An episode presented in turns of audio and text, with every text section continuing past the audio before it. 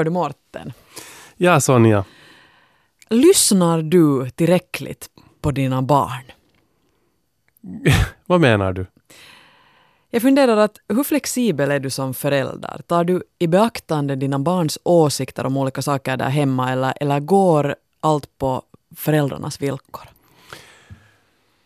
Min första spontana reaktion är att det är helt tvärtom. Jag tycker att det är de som bestämmer allt och styr och ställer och vi går omkring som hönor och, och gör allt vad de vill och tycker. Så ni är två små slavar där hemma? Nå, inte vet jag slavar, men du vet uttrycket curlingförälder. Man gör för mycket. Mm. Man bäddar för mycket. Man liksom serverar för mycket. Och, och man egentligen borde ta dem mera med i allt som gäller laga mat, städa, gå till butiken. Så, ja, egentligen så är det ju liksom både och. Å ena sidan så, så kanske man inte tillräckligt mycket frågar dem hur skulle ni vilja ha det. Och samtidigt så bestämmer man att så här gör vi och så gör man allt själv. Vet du vad jag menar? Mm. Det är Vill liksom du ge ett exempel? Nå, eh, ett jättekonkret litet exempel är att efter middagen, någon kanske till och med frågar av barnen att hej, att ska jag duka av? Och jag säger nej, för att ni sätter ändå fel in i diskmaskinen. Så att jag, jag gör det. På riktigt? På riktigt, Jag är lite sådär control freak när det kommer till sånt. Så. Okej, så barnen behöver aldrig diska undan jo, efter jo, sig? men sen då måste jag liksom bara gå bort. Vet du, för att. ah, du måste släppa taget. Men, men, alltså jo, eh, hur ska jag säga? Jo och nej är svaret. Mm. Men jag kunde, jag kunde absolut bli mycket bättre på att lyssna mycket mer och Mm. ta i beaktande. Kanske föra en sån här diskussion där hemma. Vi kommer att eh, idag tala om barnens rättigheter. I och med att eh, det är barnkonventionens dag, onsdagen den 20 november. Och eh, det är ju alltid utmaningar som det här programmet kretsar kring. När man talar om, om barn och barnens rättigheter så är det ju egentligen frågan om en utmaning på en, på en global nivå. Barnen ska ju må bra var de än bor och, och hur deras liv än ser ut. Men vi har utmaningen också lite mer på en, en eh, konkret nivå. Veckans gäst idag är Pia Sundell från Barnavårdsföreningen och hon har utmanat sig själv i att träffa olika barn i olika åldrar och fråga hur mycket de känner till om sina rättigheter och hur de blir bemötta i olika situationer. Eftersom det här är någonting som hon eh, talar om på jobbet så ska vi se hur det är liksom egentligen i verkligheten. Och lite senare kommer vi också i det här programmet att få träffa Tove Lönnqvist som är utvecklingschef på föreningen Rädda Barnen och med henne ska vi också tala om de här sakerna, för hon jobbar också med de här frågorna. Mm. Hur är det egentligen just på en global nivå, men också vad är det för, för saker som vi kan fundera på här i Finland och vad kan man fundera på helt liksom på en familjenivå? Precis. Men eh, vi börjar med att eh, lyssna på ett ljudklipp med Pia Sundello. Hon diskuterar då här med barn i olika åldrar och med sig har hon då en, en sån här kalender med, med bilder där varje, varje bild symboliserar en rättighet som barn har och, och lite utgående här, från det här så har hon byggt upp en dis- diskussion. Vi börjar först med några barn i yngre skolåldern. Jag skulle prata med dig om, om barnets rättigheter. Har du någon gång hört om det? Ja. Var har du hört? Nå, någonstans i skolan eller något. Vad har du hört att barnets rättigheter betyder? Nå, att man får leka Ja, jättebra. och sen så minns jag inte mera. Mm. Men, men någon i skolan har berättat för dig? Ja, sen hade vi på en lektion att vad är barnets rättighet? Mm. Jag tänkte visa åt dig sådana här bilder. Titta, titta. Och, och det där... Oho, titta. Ja, den här bilder som, som du kan lite berätta åt mig vad du tänker om dem. Det här är en, en sån här bild. Mm, ja, att det finns ett tält och där sitter barn inne och sen där finns en soffa och där finns mat och sen finns här något träd som har Och vad tror du att de gör? Mm, sitter. Mm. Ja, kanske de leker? Ja. För vet du vad? Alla barn har rätt att leka. För det är faktiskt barnens viktigaste jobb, att leka. Sen har jag en sån här bild. Vad tänker du när du ser på den här? Nå, att de spelar ishockey och den där som är där. Domaren. Domaren så, så visslar Mm. Det är sant, här är en domare som visslar, det här är liksom en vuxen och det här är ett barn. Och den här bilden är sån, här står så här att, att alla barn är lika mycket värda. Och det betyder det att, att oberoende hur man ser ut Där eller varifrån man har kommit så är alla barn lika värdefulla. Oj, oj. Nå sen, vad tror du om den här bilden då? Att den inte vill sätta sina skor eller strumpor eller handskar eller utebyxor på. Mm. Och vet du vad här står? Det står att barn har rätt att uttrycka sin åsikt. Och det är på riktigt så att barn har rätt till sin åsikt och vuxna ska också lyssna på barnets åsikt. Vad tyck, vilka saker är det som du tycker att du får bestämma om? Mm. Får du bestämma någonting hemma? Nej, jag brukar inte få. Nej, för vuxna bestämmer. Mm. Brukar du bestämma någonting i skolan? Inte så mycket. Nej. Om du skulle få bestämma, vad skulle du vilja bestämma om? Nå, att alla skulle leka tillsammans i vår klass för vi är bara sex flickor. Mm.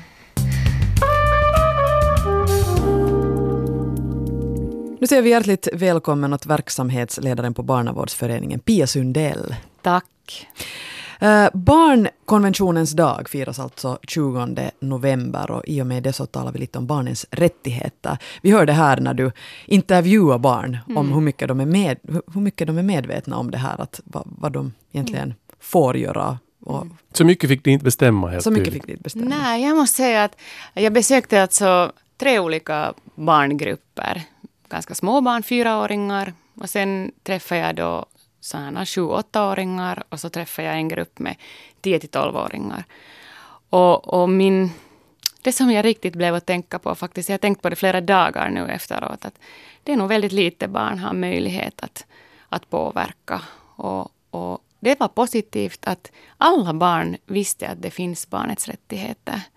Och alla barn sa att de har hört om det på skolan eller på dagis. Och att, att personalen känner till det här och pratar med barnen om barnens rättigheter. Det är ju jättefint. Och sen när vi kom in på de här att vilka saker barn har möjlighet att påverka i sin vardag så upplevde barn att det inte egentligen finns så många saker. Och då tänker jag att vi som föräldrar lätt tycker att barn har mycket möjlighet att påverka. Men barn upplever det inte så. Det finns väl lite, jag tar nu bara fasta på det här, vi, vi ska alldeles men det finns ju lite den här upplevelsen av vissa eh, föräldrar i, den- i den här moderna tiden att, att barn har fått helt för mycket rättigheter. Att Vi lyssnar helt för mycket på dem och de är, de, det har liksom gått till överdrift.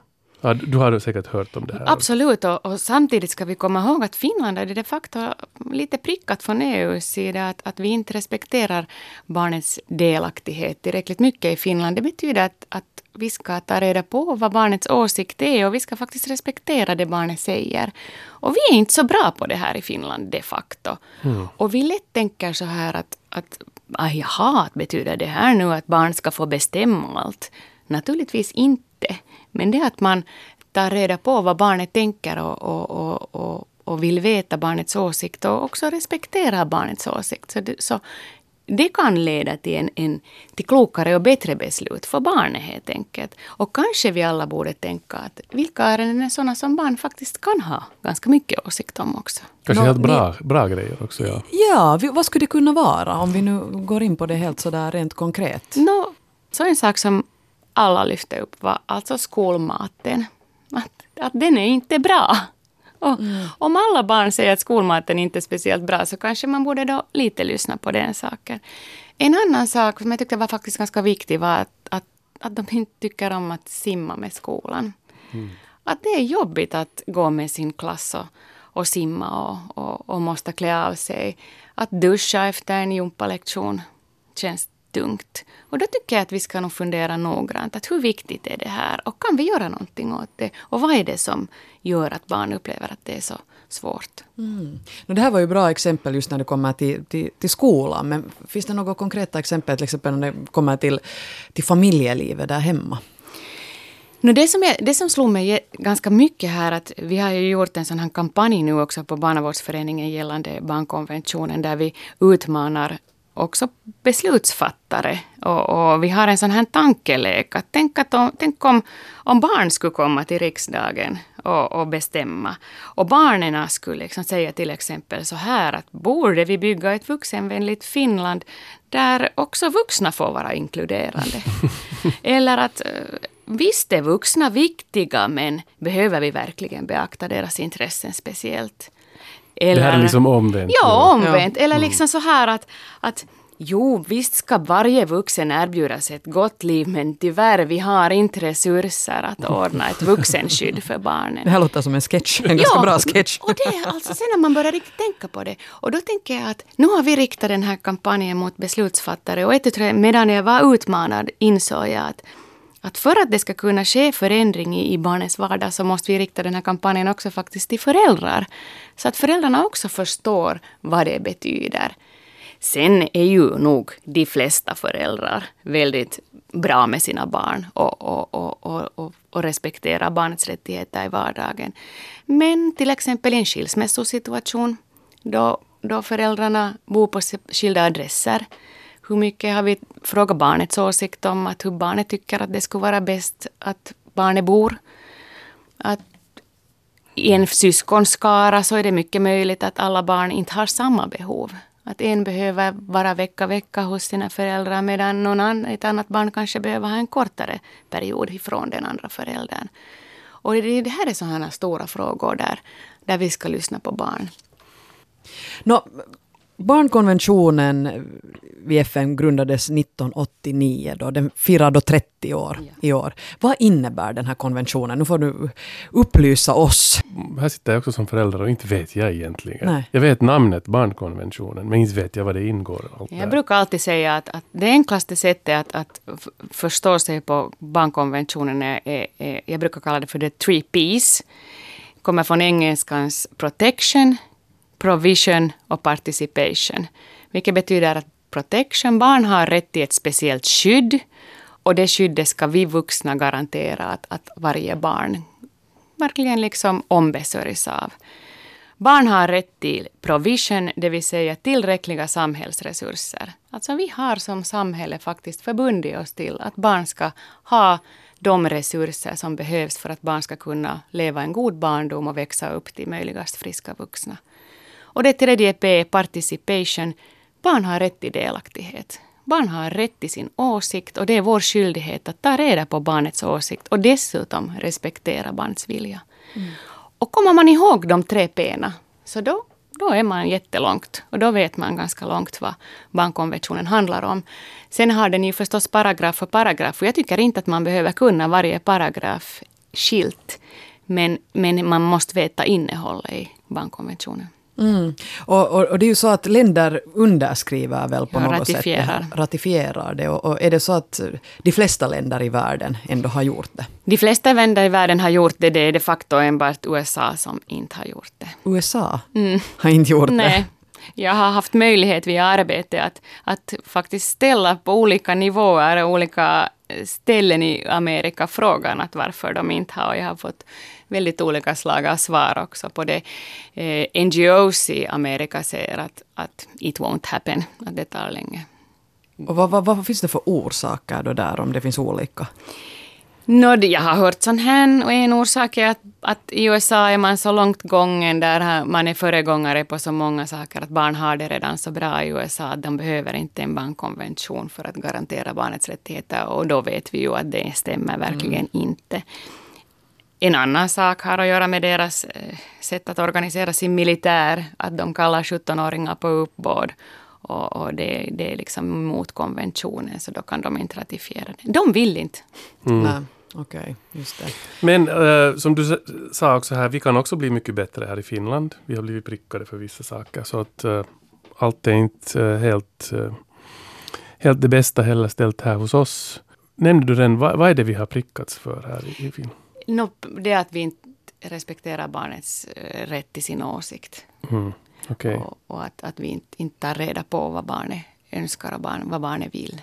Så att det är liksom det allra viktigaste. Men, men jag skulle säga så här att vi har ganska mycket i vårt samhälle. På 50-talet skidade man till skolan och till lunch fick vi vällin och däremellan blev det lite stryk och bra blev det ändå. Och då, och då tänker jag att, att nu ska vi komma ihåg att ingen av oss skulle vilja bli hjärtopererad med 50-talet talets kirurgi. Ingen av oss vill gå tillbaka till teknologin från 50-talet. Världen har gått vidare, barnens livsmiljö har ändrat. Finland är annorlunda idag än på 50-talet. Och, och bra så. Och då ska också barnens så att säga värld ha, ha gått vidare. Och vi ska respektera barnets rättigheter på ett annat sätt än vad vi gjorde på 50-talet då man så att säga räddade liv. Och, och det var vi har missat, missat idag. Att visst barn materiellt sett har mer än någonsin i det här landets historia. Och, och, och specialsjukvården räddar liv bättre än någonsin i, i, i världshistorien. Men vi har jättemycket barn som mår, mår dåligt helt enkelt. Både psykiskt och emotionellt. Och, och de lever under bristfälliga familjeförhållanden fortfarande. Mm. Och, ja, och största orsaken till det här, vad skulle du säga att det är? No, no, nu har vi i Finland en, en, en, eh, när det gäller liksom familjens interna angelägenheter så vi har fortfarande rusmedelsproblem som, som är mycket problematiskt. Och, och sen har vi ett lite bristande föräldraskap ibland. Det finns många föräldrar som skulle behöva lite extra stöd i sitt föräldraskap. Sen tror jag att, att vi lever också i ett ganska polariserat samhälle. Att vi har den marginalen barn vars föräldrar inte har något arbete där barnfattigdomen är uppenbar och, och, och, och där barn inte får tillräckligt mycket det som behövs för ett gott liv. Och sen har vi den här andra marginalen barn vars föräldrar har alldeles för mycket jobb. Där arbetslivet liksom äter upp föräldraskapet så att säga. Jag har ibland brukat säga att det här arbetslivet tar en hel barngeneration för att det, det är så pressande. Och, och det, det, måste vi faktiskt... Jag blir själv väldigt skuldbelagd när jag talar om det här. Att, att, att vi har låtit det gå till det här. Och vi måste nog fundera allvarligt på det. Mm. Det är inte bäst för våra barn. Ja, vi ska förkorta arbetsdagarna, tycker jag. vi ska fortsätta att diskutera. Jag tycker att vi ber in vår nästa gäst också. äh, ni lyssnar alltså på Efter nio här tillsammans med Sonja Kailasari och med mig, Mårten Svartström. Vi sitter här tillsammans med Pia Sundell från Barnavårdsföreningen. Nu ska vi be in vår nästa gäst, äh, Tove Lönnqvist, som är utvecklingschef på föreningen Rädda Barnen. Hjärtligt välkommen med till Efter nio, Tove Lönnqvist. Tack. Uh, före vi går närmare in på diskussionen som vi hade här mm. tillsammans med Pia här innan och, och, vad det väckte för tankar, så helt kort om ditt eget arbete. Utvecklingschef på Rädda Barnen, vad uh, går det ut på? No, mina ansvarsområden berör framförallt barnskyddstjänster. Vi har både barnhem och fosterfamiljer och sen olika öppenvårdstjänster, familjerehabilitering, stödfamiljer och den typens verksamhet. Hur skiljer ditt arbete sig från vad det var Pia gör? På barnavårdsföreningen? Kanske liksom verksamhetsmässigt så är det samma. Vår organisation mm. har samma service som, som Rädda Barnen, men jag jobbar ju med påverkansarbete. Mm. Jag träffar ju inte klienter. Mm. Jag jobbar igen i första hand uh, med de, de vuxna som jobbar med barn. Mm. Och, och, jobbar för att, att vår, vår verksamhet överhuvudtaget skulle vara så bra, med så bra kvalitet som möjligt och att barnen skulle bli bemötta. Jag har jobbat länge, inom, över 20 år inom barnskyddet. Helt med klienter, så att på det sättet så, mm. så har jag jobbat på fältet ganska länge. Att, att det är en, en sån resurs som jag kan använda nu i, i det här och slippa inverka sen på ett, på ett vidare plan. Personligen så tänker jag genast på, när jag hör Rädda Barnen, så tänker jag mer sådär internationellt, mm. globalt. Japp, och finska Rädda Barnen är ju på det sättet uh, en, en exception bland Rädda Barnens fören, föreningar, att vi är den enda internationellt som har verksamhet även i sitt eget hemland. Så vi har verksamhet utomlands, men, men Rädda Barnen i Finland har då ganska bred verksamhet för barn i Finland. Mm. Vad, vad tufft alltså. Jag visste inte att Finland var det enda landet. Ja, som inom Rädda Barnen har. Men det låter ju samtidigt lite oroväckande. Eller? Mm, no, det, är, det har säkert något historiska också, det där bakgrunden till att varför det är på det sättet. Men att, att så har det formats och, och det där. Rädda Barnen har ju jobbat i Finland sedan 1922. Att det där, vi är en ganska gammal förening. Det är ju kanske just det här som, som vi har här i, i Finland, att barnskyddsföreningar som har en lång historia som både Rädda Barnen och Barnavårdsföreningen har, så verksamheten har ju formats enligt efterfrågan. Och det har inte riktigt funnits verksamhet i Finland och så har man börjat bygga upp det. Och så har Rädda Barnen utvecklat sin, sina modeller som har stannat kvar. Och, och egentligen så ska vi finnas till tills vi inte mera behövs. Eller då staten eller samhället tar över vår verksamhet så att säga. Hur ser den här, eh, enligt dig Tove, eh, barnens rättigheter, det här man respekterar dem, om du jämför vårt land och sen då ute i, i, i världen? No, nu är det ju på det sättet att, att det är delvis fråga om, om olika, olika saker, men, men också hemskt mycket fråga om samma saker. Det är ju universella behov som barn har, precis som alla människor har. Behovet av att bli hörd, av att bli sedd och accepterad som den person som man är. Och, och att det där, och att få delta och inverka, påverka på sin egen livsmiljö. Att, att vi, har på, vi har ett projekt på gång nu eh, ti- tillsammans med våra internationella tjänster där vi har eh, prövat hur, hur vi får feedback från barn, både i Finland och sen i Somaliland och Burkina Faso. Och, och där har vi nog sett att, att det är ju hemskt samma saker som berör. Och ganska långt också hemskt samma frågor och samma, samma sätt man kan använda till att få, tillbaka, få svar av barnen då man frågar direkt. Så det är ganska samma frågor också. Speciellt nu idag när vi talar om det här med att lyssna på barnen och respektera deras åsikter och så vidare. Så det är också de frågorna som ni jobbar mycket med på Rädda Barnen. Absolut, gör vi en barnrättsorganisation och delaktighet är en av våra, våra stora prioriteringar. Och nu när du lyssnar här på, på diskussionen innan med, när vi satt här på Trimis med Pia. Och, Trimis. Trimis, ja, heter det Fint så? ord. Jag tror att tremis, men det har ingen Tremis betydelse. trimis. Så eh, var det någonting du reagerade på? Väckte, vad väckte det för, för tankar? Först reagera på det vad du pratade om curlingföräldrar. Ja, det som jag sa här tidigare. redan, redan före Pia kom. Ja. För jag menar att, att det är ju liksom det är ju precis samma frågor som även professionella inom barnskyddet snubblar med. Det där att våga fråga barn, att, att liksom stanna upp och fråga barn på allvar. Och tro på och lita på att de har nog en åsikt. Och, och det, där, det är ju hemskt små barn som har jobb, åsikter redan. Vi jobbar med, vi har sedan 2018 ett, ett det där, projekt Arjesta Voimaa, styrka från vardagen, som speciellt jobbar med att få 4 till 12-åringars barns röster hörda. Vi har just om det här skilsmässobarn, har vi, har vi det där fråga fråga en barngrupp, jobba med dem, att vad de tycker att vad skulle vara rätt sorts stöd när föräldrarna skiljer sig.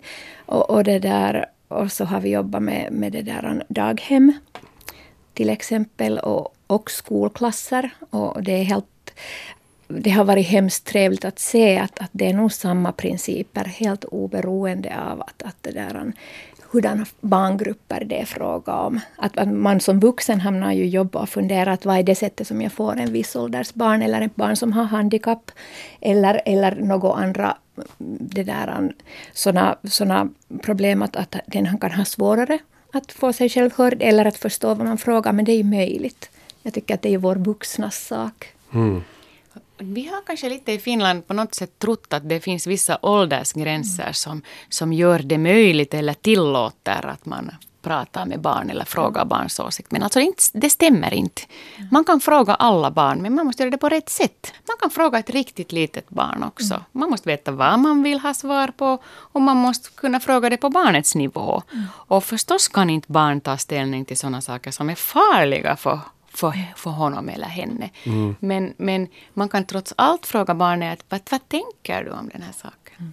Nu måste jag bara säga här emellan att, att med erfarenhet, både som förälder och som eh, journalist, att eh, fråga barn och intervjua barn är svårt. Man vet inte hur man ska ställa de där frågorna. För att, Men- hur men- ska man göra egentligen? Men det är ju kanske just frågan om det att, att vi vuxna hemskt lätt funderar på att hur ska barnen set, sitta in i våra sätt att fungera?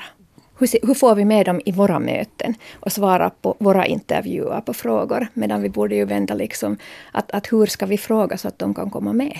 Att, att vi borde ju vända på kakan för jag tänker att, att barn berättar ju hemskt gärna, även små barn. Med hjälp av bilder så kan de välja. Att du har här de här sakerna. Vilka av de här till exempel hade vi en eftermiddagsverksamhet, eh, det där en workshop var vi funderar med, visionerar med barn att hurdan eftermiddagsverksamhet skulle de vilja ha mycket små barn kan berätta med hjälp av bilder där de får sätta smiley faces på vilken verksamhet som är rolig och vad de skulle vilja ha mera.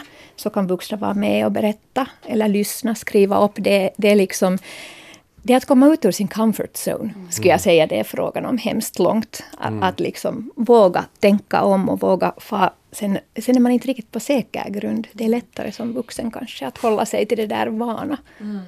Nu när jag var och träffade de här barnen så jag var ju alltså faktiskt lite spänd för jag har ju inte jobbat med det här riktiga jobbet på flera år för att jag har ju varit alltså chef, byråkrat. Och nu fick jag, det var, helt, alltså det var så härligt att gå dit till de här barngrupperna och jag blev liksom så glad när jag hade tio stycken fyraåringar och de var alla aktivt med i diskussionen och de lyssnade och de hade mycket att berätta.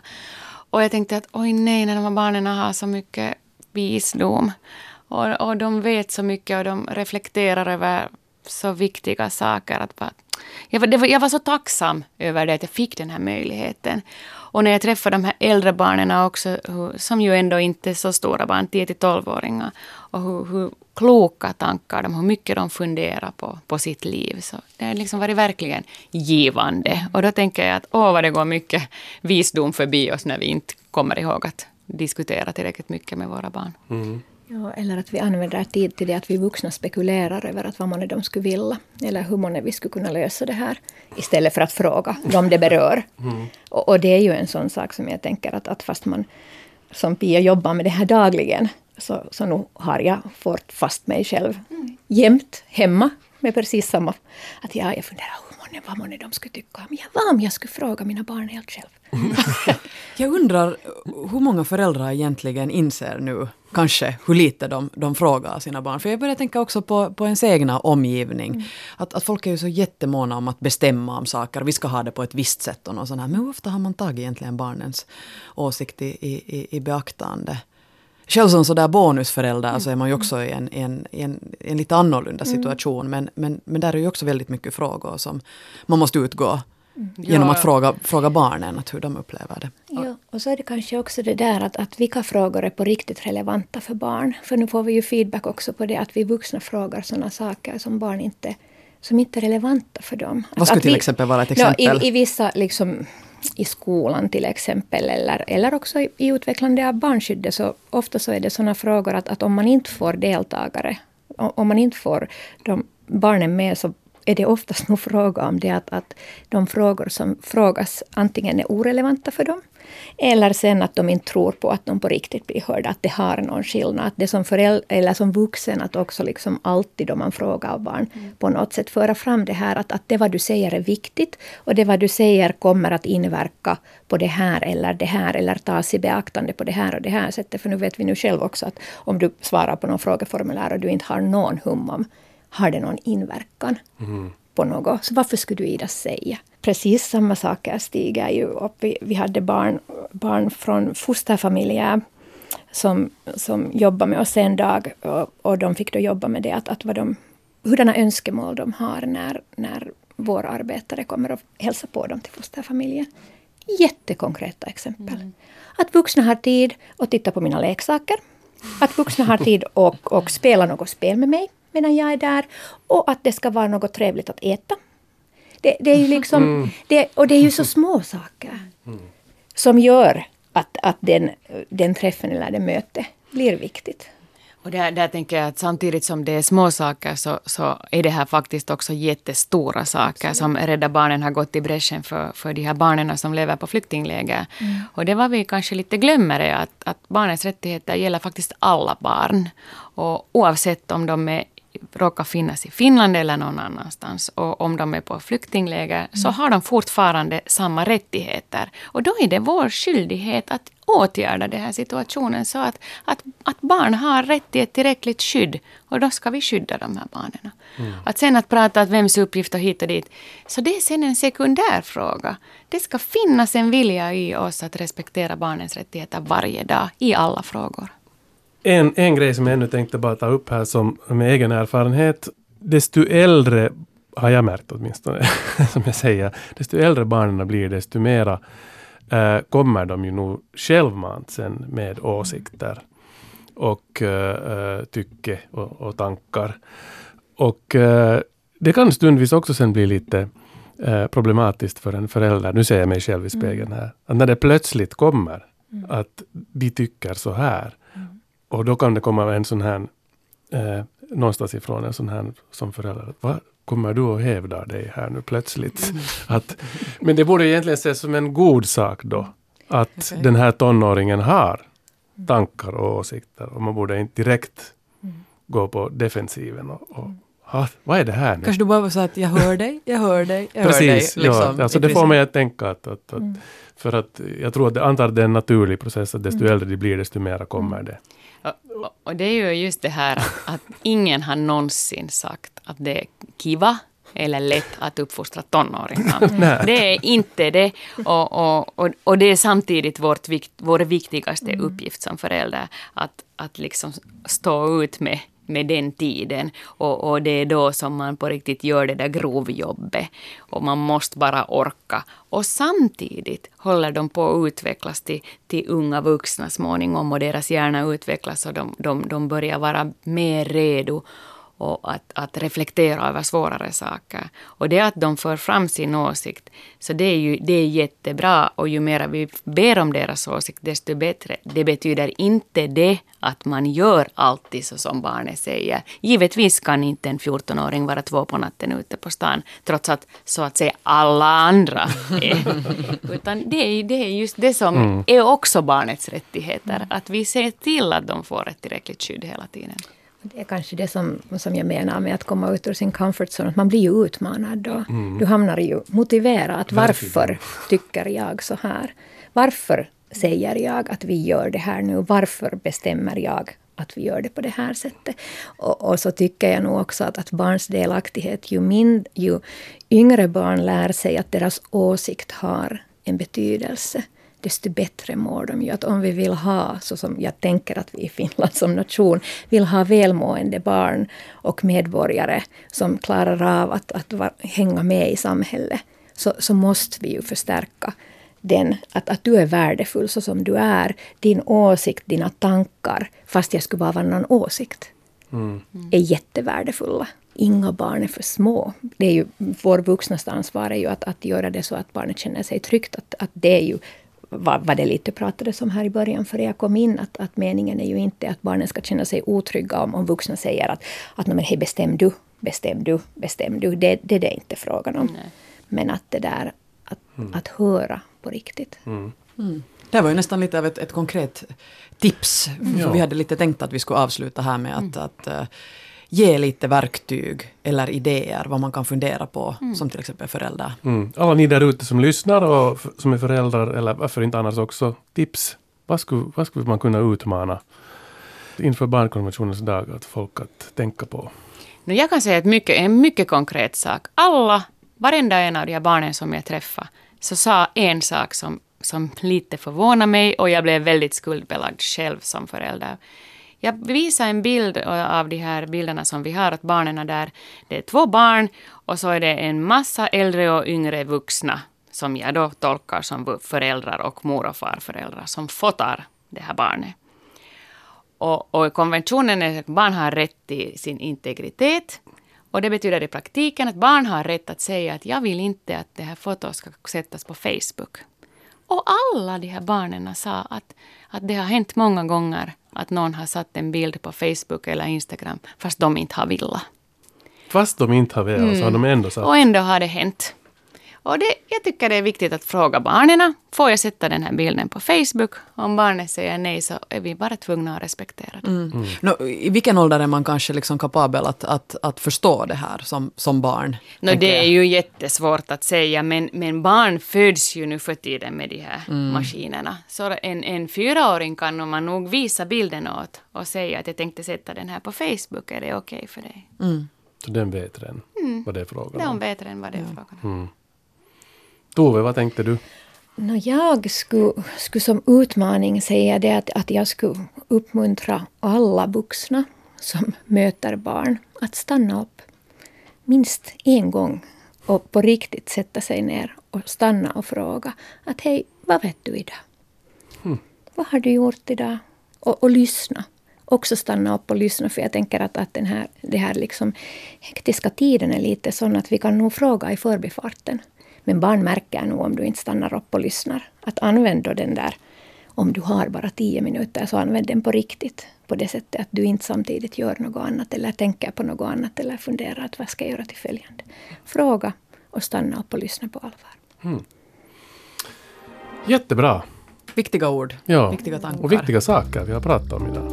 Mm. Tusen tack Tove Lönnqvist och eh, Pia Sundell för att ni gästade oss här på Efter nio. Tack, tack. Ni har lyssnat på Efter nio tillsammans med Sonja Kailasarja och med mig Mårten Svartström. Och ja, som vi brukar säga, vi är tillbaka som vanligt nästa vecka med nya gäster och nya utmaningar. Vi hörs!